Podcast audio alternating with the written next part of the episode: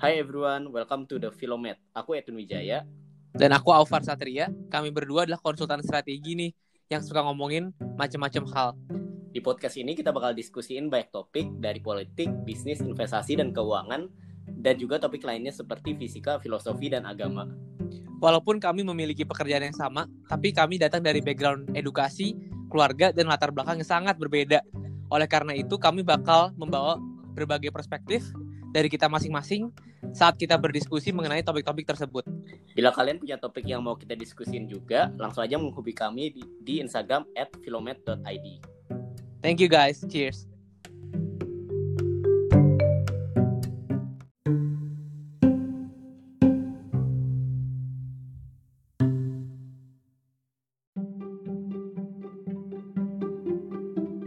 Hai guys, kembali bersama kita Filomet ID bersama saya Aufar. Dan aku Edwin. Jadi kita pada hari ini bakal bahas topik yang menarik nih, lebih ke psikologi sih. Jadi judulnya adalah Can People Change? Apakah seseorang tuh bisa berubah gitu? Jadi ini topik yang menarik banget ya Win ya, karena ini salah satu gimana ya kayak dilema lah karena di satu sisi ada yang bilang bahwa people tuh udah preset uh, mereka itu udah udah bener-bener kalau misalkan dia punya trait satu itu bakal stick sama dia sampai dia mati. Tapi ada yang bilang bahwa tuh otak kita perilaku kita itu plastik. Jadi bisa di shape tergantung sama externalities tergantung sama apa yang kita lakukan gitu. Dan itu menarik banget sih. Iya ini topiknya menarik banget sih Far uh, menurut aku. Soalnya kalau kita tanya orang bisa berubah atau enggak pasti kalau kita tanya uh, ber, orang yang berbeda pasti mereka punya jawaban yang berbeda. Tapi mungkin kita mau uh, mau clarify aja nih hari ini kan kita mau fokusnya lebih ke perilaku dan kemauan ya.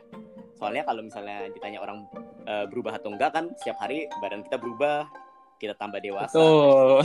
tapi kan bukan itu yang kita mau diskusiin nih hari ini kita yeah. mau khusus tuh benar-benar ke perilaku dan kemauan. Betul. Betul perilaku dan kemauan ya. Jadi lebih ke ke mental lah ya. Iya lebih ke sisi psikologinya. Betul oke. Okay. menarik menarik. Dan menarik juga tadi lo bilang tergantung sama orangnya. Jadi kalau orang yang misalkan orang yang buruk pasti akan bilang bahwa dia kan dia dia can change gitu. Mm -mm. tapi kalau orang yang ideal banget pasti dia bilang orang nggak bisa berubah. Jadi perspektifnya memang banyak banget. Oke. Okay. mungkin kita mulai dari mulai dari diskusi pertama nih. Um, jadi ada saying saya kayak misalkan once a cheater always a cheater atau uh, once a corrupter always a corrupter. Sekali mencuri tetap men akan mencuri lagi dan segala uh, sebagai macamnya gitu kan. Dan ini menarik banget karena banyak riset dan studi lah di sini. Tapi kalau dari pengalaman kita sendiri atau pengalaman kamu deh itu apakah orang tuh bisa berubah gitu? Apakah orang yang melakukan kecurangan bisa berubah menjadi orang yang lebih baik lagi? Dan uh, sebaliknya apakah orang yang baik banget bisa tiba-tiba berubah jadi orang yang uh, melakukan kecurangan gitu. Menurut kamu gimana tuh? Menurut aku ya, jadi kan pertanyaannya itu sebenarnya uh, kalau kita udah kita mungkin lihat yang dari sisi negatifnya aja kali ya. Jadi kalau kita udah pernah melakukan kesalahan, misalnya kita pernah selingkuh, apakah kita bakal ngelakuin itu lagi? Kalau menurut aku sih uh, pertanyaannya itu mungkin gak sesimpel itu sih. Karena misalnya contoh kita ngambil uh, skenario kalau misalnya orang korupsi. Kalau orang korupsi itu kan satu keputusan, tapi kan banyak keputusan-keputusan lain di belakang itu yang membuat dia melakukan itu. Misalnya kalau untuk contoh orang korupsi, uh, berapa sih yang dia bisa dapat dan mungkin kasih dia ketangkep dan uh, apa sih uh, kemungkinan kalau misalnya dia ketangkep apakah dia bakal masuk penjara atau mungkin dia bakal malu di society dia. Jadi kan banyak kan keputusan yang di belakang itu yang mem membuat dia memutuskan bahwa dia bakal korupsi. Jadinya itu kan satu keputusan tuh. Misalnya dulu dia memutuskan untuk korupsi. Untuk ke depannya itu kan adalah keputusan baru.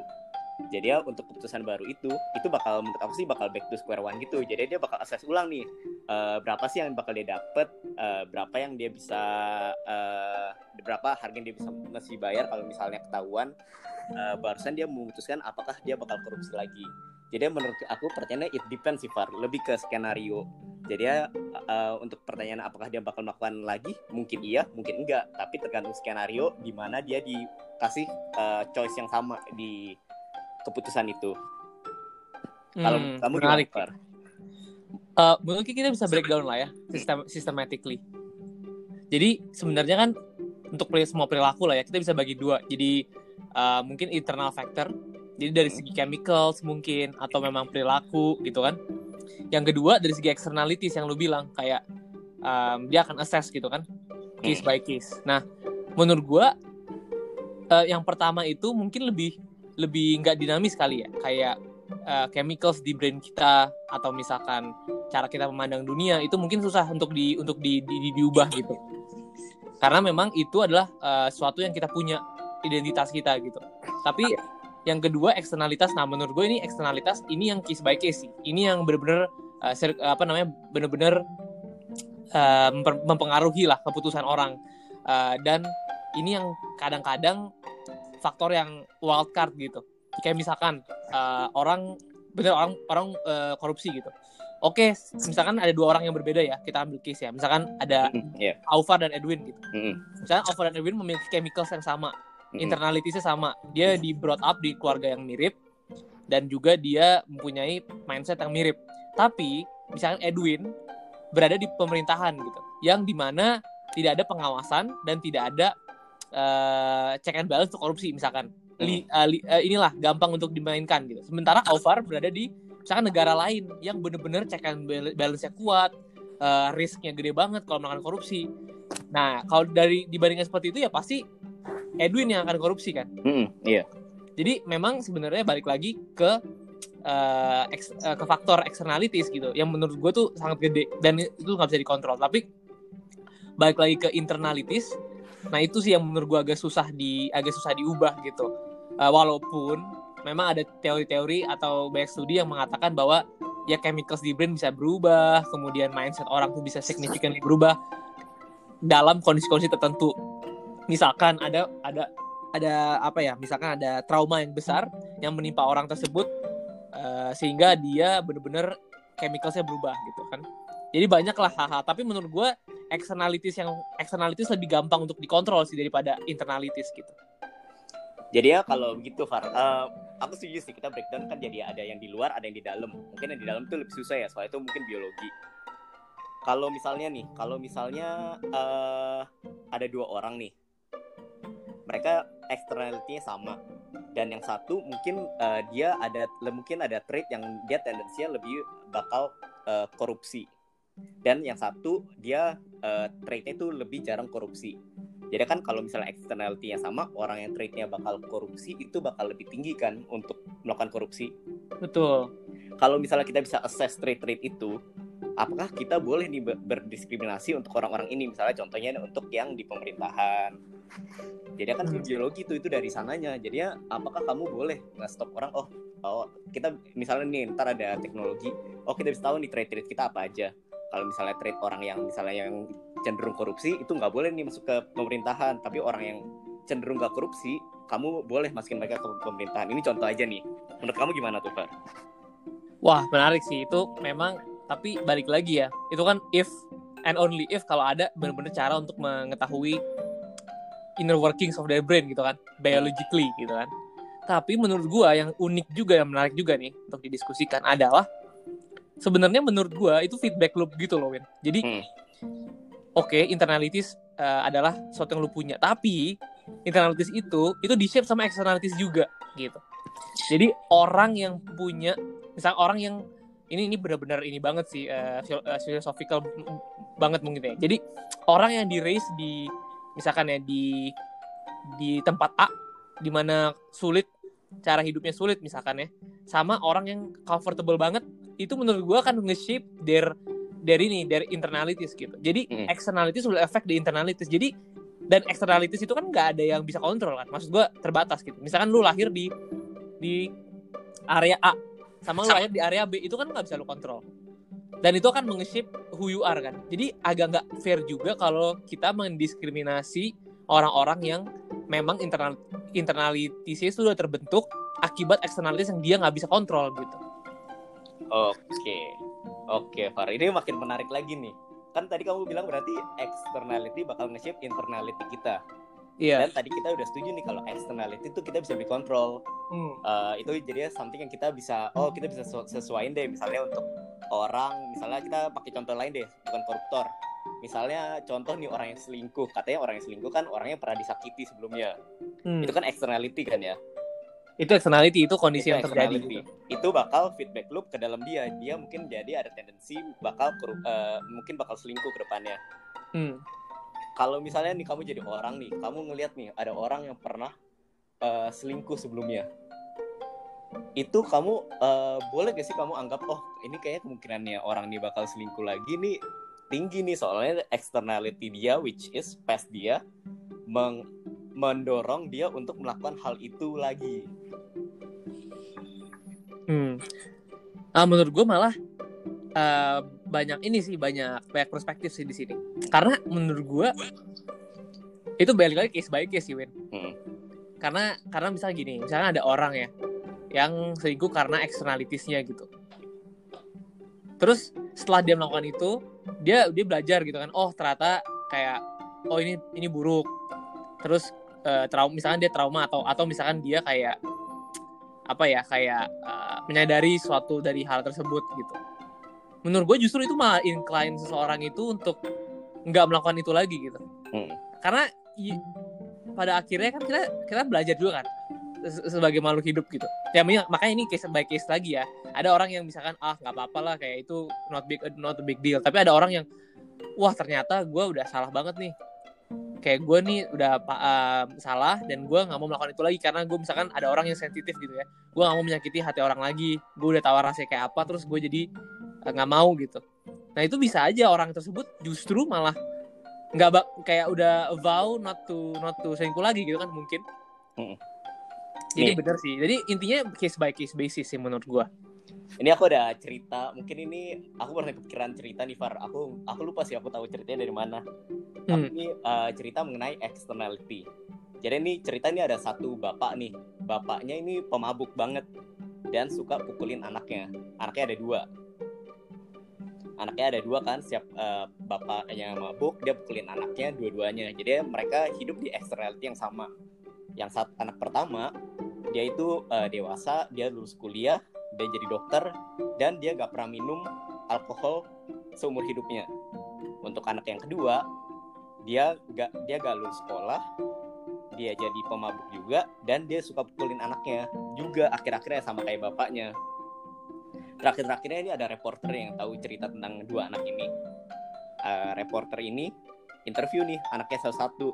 Anak pertama dan anak kedua. Dua-dua anaknya jawab "Eh, ya gimana aku nggak kayak gini. Soalnya bapakku kan kayak gini. Itu menarik kan Far ya? Hmm. anak yang sukses dia keluar dari eh, feedback loop itu, eh, loop itu dan anak yang kedua itu mereka sama-sama salin bapaknya tapi kan ini dua-duanya nih dalam externality yang sama mereka mem- memiliki outcome decision making yang berbeda. Jadinya kalau kayak gitu menurut kamu kalau kita sebagai orang ada gak sih kita tendensinya itu lebih benar itu kita sebagai orang itu bakal lebih ke orang anak pertama atau anak kedua? Nah, oke, itu menarik juga. Karena itu inter- berarti sekarang externalities-nya sama tapi interna internalities beda kan? iya Nah, kalau internalities beda, salah siapa? Emang anaknya mau misalkan chemicals of the brain uh, lebih condong ke kekerasan atau chemicals of the brain lebih condong ke learning something yang useful gitu? Kan enggak kan? Kayak mana mau sih orang maksudnya gue gue gue sih sebagai manusia ya gue selalu percaya orang tuh sebenarnya baik gitu pada dasarnya kecuali orang tersebut punya chemicals yang uh, berbeda gitu dan itu gue nggak tahu lah kalau penyakit ya mungkin itu psikologis tapi kalau orang yang normal menurut gue semua orang tuh mau yang terbaik untuk semua orang. Dan menurut gue em, kalau ada orang yang punya mindset tertentu kalau externalities sama berarti ada yang something wrong kan sama brainnya maksudnya ada something different. Dan itu kan bukan mereka yang mau gitu. Kayak misalkan oke gue suka marah nih. Misalkan eh, over suka marah gitu. Eh, kalau ada kalau ada yang ada yang ngegangguin gue gue marahin. Sementara misalnya Edwin kalau ada yang gangguin dia dia malah baik gitu padahal semua eh, sama cerita tadi gitu eksternal eh, eksternalnya sama tapi itu kan karena chemical di brain gue kan Maksudnya ujung-ujungnya ini ngomongin biologically ya, Hmm, hmm, ngomongin science gitu. Hmm. Ujung-ujungnya itu kan chemicals kan. Ya we, we, we're, we're a biological being gitu. Kita Hmm. pada akhirnya kita mengacu kepada chemicals. Hmm. Dan itu yang mau siapa? Gue nggak mau kayak, aduh gue mau marah nih, gue chemicalsnya, eh ya udahlah chemicalsnya munculin gitu. Kan Hmm. nggak juga kan? Kayak itu tiba-tiba gue melakukan sesuatu karena gue chemicals gue nyuruh gue untuk gue marah. Itu Oh. kan bukan salah gue. Jadi balik lagi nature versus nurture sih. Kayak ya mungkin balance lah ya externality sama internalities tapi menurut gua eh, ujung-ujungnya kesimpulannya adalah kayak dua-duanya itu satu hal yang yang pasti ada out of your controlnya jadi menurut gua eh, ya it's interesting lah to to talk about this gitu. Gua gua gua belum menemukan kesimpulan nih. Kamu Iya. menurut lu gimana? Eh, kalau tadi kan kamu bilang eh, kita itu biological being kan? Aku setuju. Tapi most of all menurut aku kita sebagai manusia itu kita logical being juga. Jadinya keputusan kita itu tergantung eh, pros dan cons dari seluruh keputusan yang kita buat. Itu itu sih satu poin yang aku mau bikin. Untuk yang kedua eh, mungkin ini lebih pertanyaan sih kalau misalnya kita membuat keputusan sesuai dengan kita punya chemical jadi maksudnya kalau misalnya di case yang anak kedua ini eh dia dia melakukan kesalahan yang sama kayak orang tuanya itu karena dia punya chemical kan ya? Hmm. apakah kita boleh eh, menghukum nih anak yang kedua ini? Nah iya benar karena kalau tadi kita bilang ini dia gak milih berarti kita nggak boleh kan ya kita menghukum seseorang untuk sesuatu yang bukan pilihan dia Iya. tapi nggak fair juga dong kalau misalnya untuk anaknya Iya. anaknya dari anak kedua ini kalau dia mesti ngelewatin hal yang sama Iya. itu jadi dilema juga gak sih Far? jadi kayak kamu Dilema. mau yang terbaik kamu mau semua orang jadi anak yang pertama tapi kamu nggak bisa soalnya ada faktor yang kita nggak bisa kontrol which is kita punya chemical kalau Oke. menurut kamu itu gimana tuh Far? Nah, ini ini menurut gue menarik nih. Pada akhirnya ada free will kan, ngomongin free will. Kita argue berapa persen sih sebenarnya free will? Apakah kan? ada free will juga atau itu semuanya chemical aja cuma plus minus plus minus plus minus di, kita punya chemical akhirnya kamu with satu keputusan gitu Ya, menarik nih. Menurut gue ini udah mulai philosophical nih kayak. Iya. Menurut gue free will itu menurut gue, menurut gue ya ini nggak tahu ini hipotesis ya. Hipotesis gue adalah free will itu um, apa ya? nggak 100% ada gitu. Maksud gue dalam 100 misalkan kita punya keputusan ya. Keputusan itu 100%. Menurut gue berapa persen tuh free will, ada berapa persen juga yang predetermined gitu. Oleh biological uh, biological kita gitu. Kayak misalkan lu mau makan, itu kan lu nggak karena lu emang pengen makan gitu. Karena emang bio, eh, chemicals lu bilang, oh gue lapar, makan far gitu. Baru gue makan gitu kan. Jadi itu kan memang internal. Nah, eh, menurut gue kalau untuk menghukum ya tadi ngomongin menghukum ya. Mm-mm. Nah, menghukum ini ini balik lagi ke mindset menghukumnya sih menurut gua. Kalau menurut gua, menghukum itu adalah sebuah cara untuk nge ngeset bad bad ininya bad chemicals dan bad uh, free will dia. Jadi kan dua tadi, free will sama chemicals kan. Mm-mm. Ngeset dua hal tersebut ke jalan yang benar. Jadi bukan untuk menghukum orang itu, bukan untuk nge-torture orang itu, tapi untuk eh lu tuh salah gitu. Ini tuh kita punya norma, normanya lu salah gitu. Biological lu dan uh, free will lu, lu udah pilih dan itu salah. Gue kasih tahu ke lu.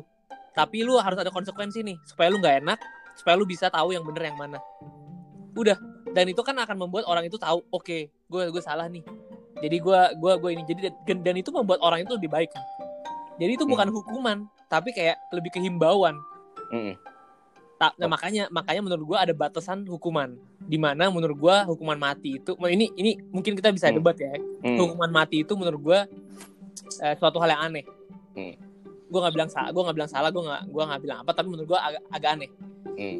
karena ada ada komponen externalities di situ jadi menurut gua hukuman itu bagus untuk mengeset orang tapi ada batasan gitu kalau menurut lu gimana menarik sih Far tadi kamu sempat eh, ngomongin hukum mati hukuman mati. Mungkin itu bisa jadi episode podcast kita ke depannya ya. Tapi Betul. mungkin kita kembali kembali lagi nih. Tadi kan kamu bilang eh, hukuman itu seperti himbauan ya. Menurut aku aku setuju banget sih dengan ap- apa yang kamu bilang. Soalnya dengan ada hukuman itu menjadi pemberat di sisi cons untuk kita ngelakuin itu. Jadi ya kalau misalnya orang mau korupsi nih walaupun dia udah ngitung nih prosnya dia dapat berapa eh, dia bisa pakai apa dengan duit ini tapi ada consnya nih ada cons yang oh mungkin aku bisa ketangkep dan mungkin cons itu kita harap itu memberatkan sampai dia memutuskan untuk nggak melakukan itu bener gak Far? Jadinya Betul. mungkin hukuman itu jadinya bakal jadi feedback juga untuk decision making orang tapi setelah orangnya ngambil keputusan itu dan dia ngelakuin itu berarti hukuman itu menjadi apa ya menjadi justifiable kali ya Hmm. Agree, agree Iya. banget. Setuju. Agree banget sih menurut gue. Mungkin eh, itu kan tadi kan perilaku lah ya. Tapi kalau coba kita ngomongin kita lompat deh. Kita Hmm. ngomongin ke intelektualitas lah. Atau kayak em, misalkan bahasa kasarnya eh, pinter lah. Kayak orang apakah menurut lu orang yang pinter itu Nah ini def- mungkin definisi pinter juga berbeda-beda ya. Cuman kita kita lempar aja dulu pertanyaannya. Orang yang pinter bisa brain itu plastik untuk bisa jadi bego atau orang bego dan orang bego itu bisa plastik sehingga jadi pinter. Misalkan orang terlahir dengan IQ rendah, apakah dia bisa mencapai IQ tertentu di kemudian hari? Eh, gitu. Tapi ini mungkin definisi pinter itu eh, balik lagi beda-beda ya. Dan mungkin kita set dulu kali definisi pinter itu apa. Mungkin IQ kali yang lebih lebih objektif kali ya, lebih lebih ini kali ya. Iya. Soalnya kan pinter kan menurut gue ya, menurut gue pinter nggak cuma IQ karena kan eh, pinter eh, misalnya pinter berkomunikasi, pinter eh, berinteraksi segala macam itu pinter juga dan menurut gue kadang memang lebih berat, memang lebih bagus gitu kan di situ. Tapi coba kita set di IQ ya. Menurut lo gimana Win? Iya, jadi kalau kita set di IQ, jadi anggapnya itu berkorelasi dengan performa dia di sekolah kali ya. Iya. Dia pinter di sini itu kita definisi itu pinter sekolah. Oh nggak bisa sih menurut gue, sorry. Karena menurut gue sekolah nggak nggak semerta-merta perlu IQ tinggi untuk untuk perform sih menurut gue. Hmm. Jadi ya mungkin kalau misalnya ujungnya itu apa Far? Out- outcome kalau pinter ini menurut kamu? nggak ada makanya menurut gue outcome-nya IQ tinggi aja jadi ini bukan bukan outcome tapi lebih ke cost Oke, oke. Jadi ini lebih kayak pinter IQ aja. Jadi untuk kayak decision making dia bukan decision making, mungkin problem solving kali ya. mungkin iya mungkin problem solving ya Problem solving. Kalau menurut aku itu combination sih Far untuk eh, nature sama nurture. Tapi kalau kamu tanya aku, mungkin aku lebih leaning itu lebih ke nurture sih. Jadi ya Hmm. aku anggap ini manusia ini eh, otak tuh kayak otot kita. Jadi kita bisa latih dan kita bisa tambah kuat. Tapi kan nggak semua orang itu bisa jadi atlet. Jadinya walaupun kita eh, pacu sekuat apa pun kita latih setiap hari itu ada satu titik maksimal yang kita udah nggak bisa eh, nggak bisa lewatin lagi nih. Jadi ya mungkin ada orang pinter emang dari sananya tanpa perlu kerja, tapi ada juga orang yang biasa aja, tapi dia kerja keras dan mungkin waktu kita tes IQ-nya di di konteks ini IQ mereka bisa sama.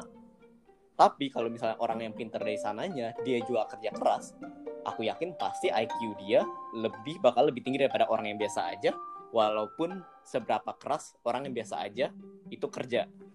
Hmm. Eh, jadi lebih- jadi lebih kayak ini ya ada range lah ya ada Ada range ya. setiap orang ada range-nya gitu ya hmm, kalau dia oh, bekerja keras bisa mencapai top range-nya kalau enggak dia bisa turun gitu jadi hmm. memang tiap orang ada range dan tiap orang eh, bisa bermain tapi hanya di range dia itu gitu ya Iya.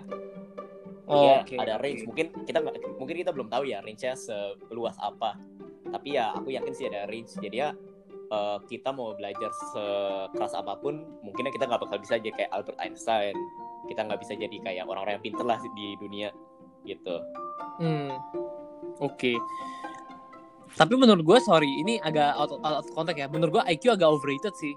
Hmm. Especially um, mungkin sekarang udah gak overrated ya. Dulu agak overrated sih menurut gue. Karena ya itu yang tadi gue bilang kayak pinter kan gak cuma IQ doang, tapi um, IQ kayak di dewa-dewakan dulu gitu kan. Hmm. Setuju sih. Ini cuman ini doang sih uh, intermezzo. Hmm. Um, dan lebih ke sini gue lihat orang-orang yang sukses tuh sebenarnya ya nggak nggak nggak semuanya punya IQ tinggi juga gitu itu kan macam-macam kombinasi makanya sekarang ada EQ ada apa dan sebagainya Hmm. macamnya kan iya menarik sih Win ini pembicaraannya Mungkin kita boleh lanjut ke yang society kali Far. Itu juga menurut aku sih menarik banget sih.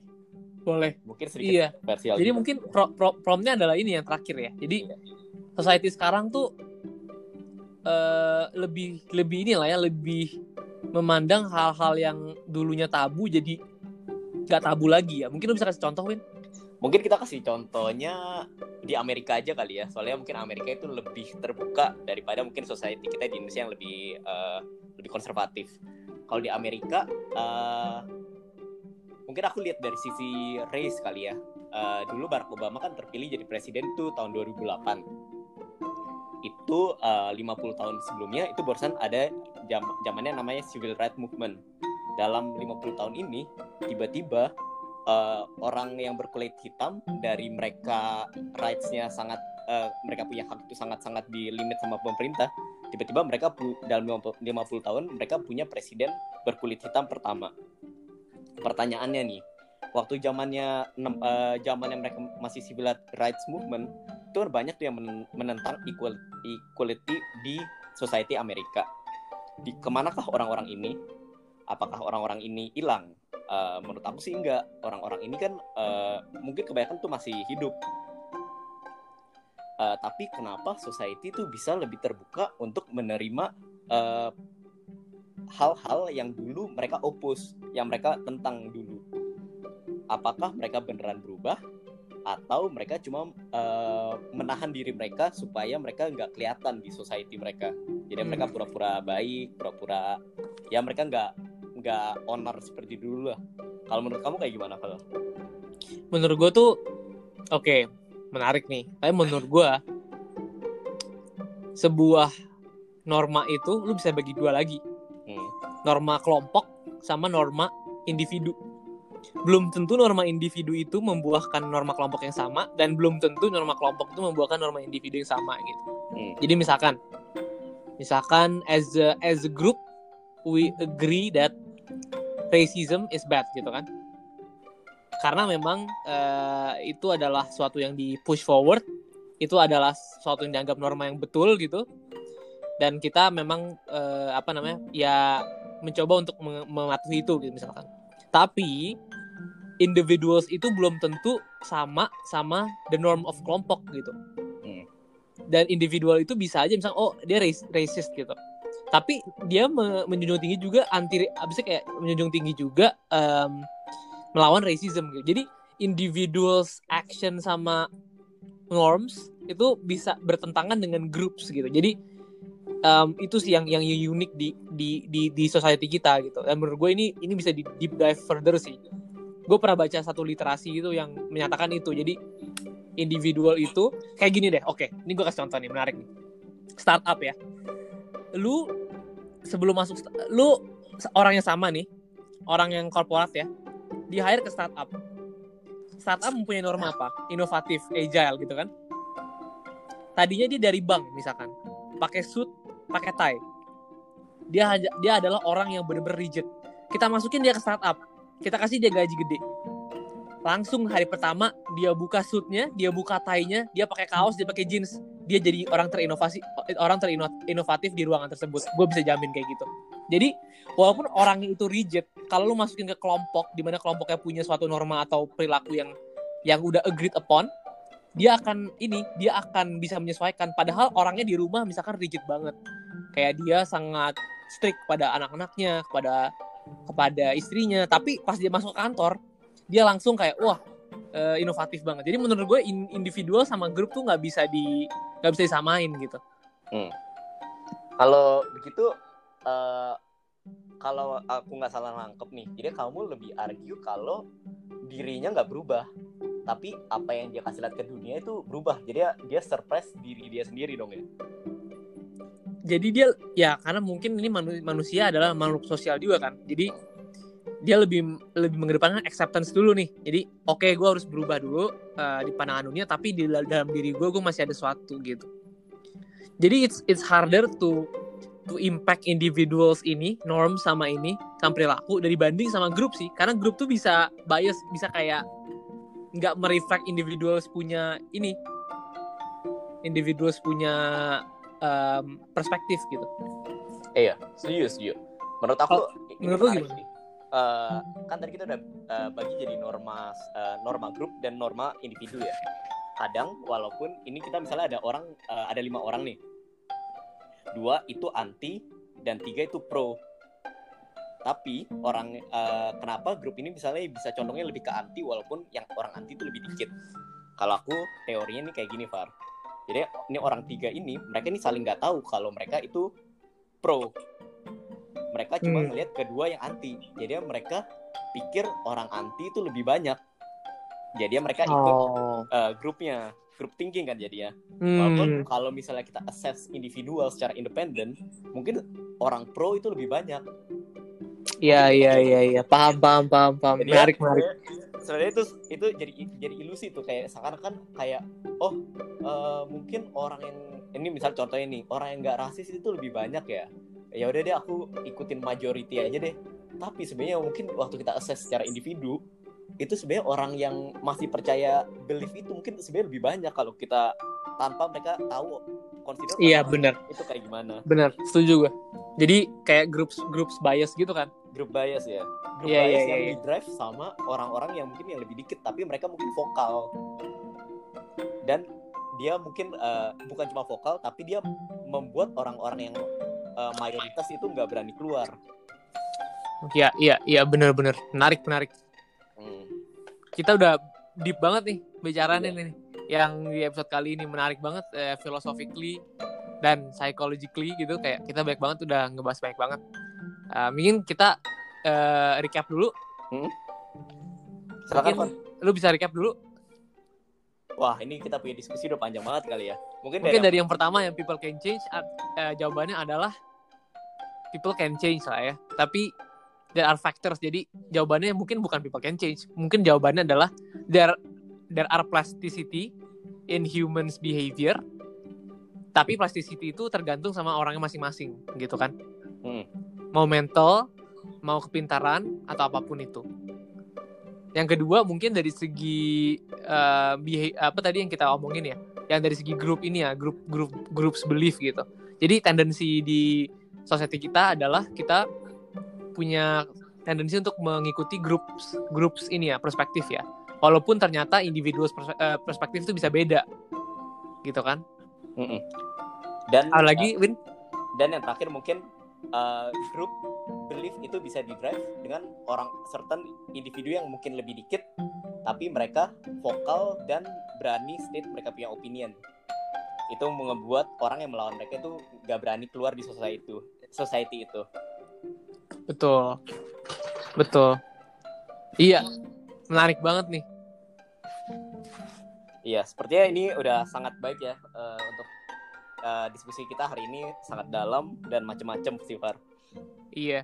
Jadi mungkin kalau teman-teman juga ada input, saran atau komen gitu ter- terhadap diskusi kita, jangan sungkan untuk komen juga. Jadi ntar kita bisa diskusi bareng. Dan juga kalau misalnya ada topik yang ingin kita bahas lagi selain dari topik ini, Eh, bisa ditulis juga. Jadi kita bisa ada ide juga untuk ngomongin apa. Dan ya sekian dari kita mungkin. Thank you banget teman-teman yang udah dengerin. Uh, gua Alvar dan aku Edwin. Thank you for listening guys. Bye. Cheers.